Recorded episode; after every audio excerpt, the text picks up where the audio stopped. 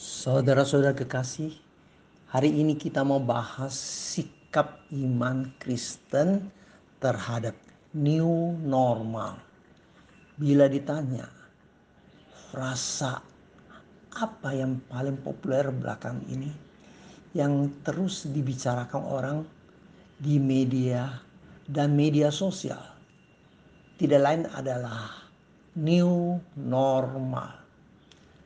Setiap hari ada saja orang membahas new normal. Bagaimanakah sikap orang Kristen yang seharusnya terhadap new normal? Kita coba telusuri sejarah munculnya istilah new normal. Dalam sejarah masa kini, new normal dalam kehidupan muncul di Amerika setelah peristiwa 11 September 2001. Menara WTC World Trade Center dan Pentagon diserang.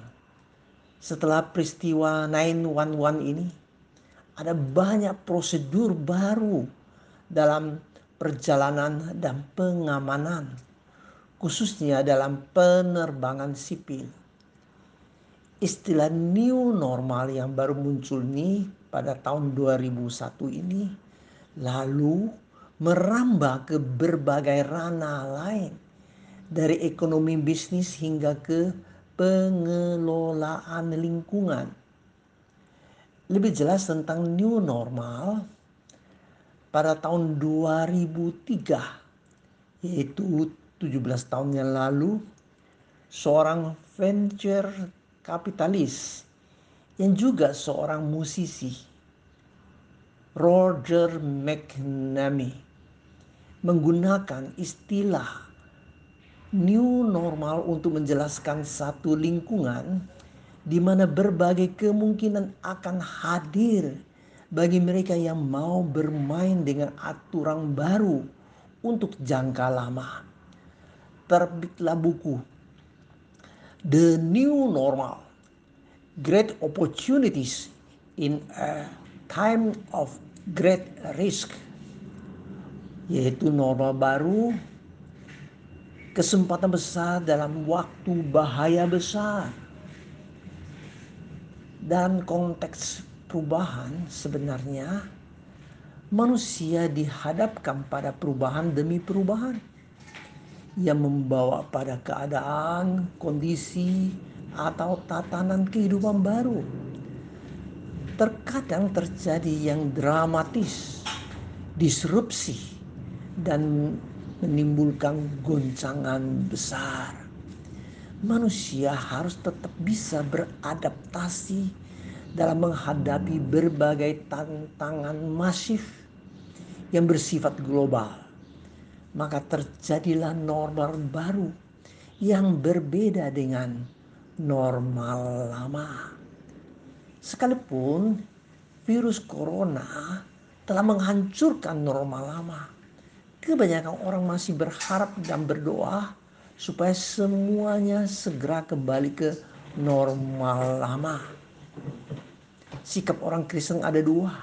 Pertama, doakan pemulihan supaya kembali normal seperti sedia kala. Doa pemulihan merupakan tema utama di kitab Mazmur. Umpamanya Mazmur 26 dengan judul pengharapan di tengah-tengah penderitaan. Mazmur 126 ayat 1 ketika Tuhan memulihkan keadaan Sion keadaan kita seperti orang-orang yang mimpi. Ada mimpi pemulihan saudara-saudara. Ayat 4 adalah doa. Pulihkanlah keadaan kami ya Tuhan seperti memulihkan batang air kering di tanah Nageb. Pada kondisi yang abnormal, sangat berharap segera dipulihkan menjadi normal. New normalnya sebenarnya normal lama. Tidak apa-apa. Tekunlah doakan pemulihan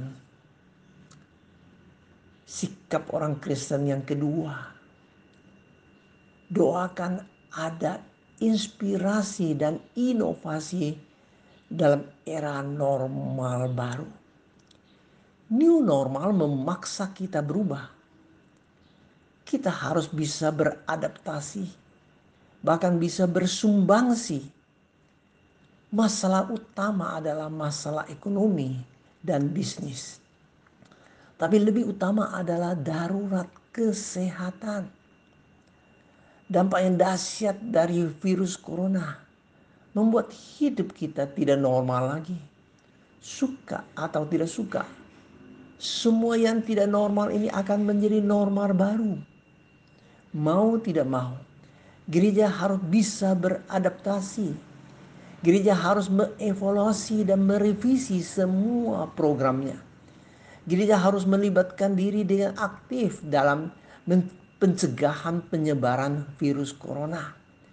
Gereja juga harus tekun memohon Tuhan memberi hikmat dan kemampuan supaya mendorong pertumbuhan ekonomi bagi sesama. Baik bagi orang gereja sendiri, juga bagi masyarakat. Normal baru sedang menguji iman kita. Apakah iman kita teruji dan terpuji? Jangan lupa, dalam perubahan apa pun, kita harus tetap meyakini Tuhan Yesus tetap sama baik kemarin maupun hari ini dan sampai selama-lamanya. Ibrani pasal 13 ayat 8. Kuasanya, kasihnya, dan penyertaannya tidak berubah. Secara pribadi saudara-saudara, kita menghadapi new normal kita harus bisa survive dan menang. Mohon Tuhan menolong kita tahu dan bisa. Pertama, jaga diri. Kedua, jaga jarak, tapi juga jaga hubungan. Ketiga, jaga kesehatan. Keempat, jaga keuangan atau namanya jaga dompet kelima, the last but not the least. Jaga diri, jaga hati, jaga hati. Terutama jaga hati. Tetap bergembira, bersyukur, dan mengasihi. Amin.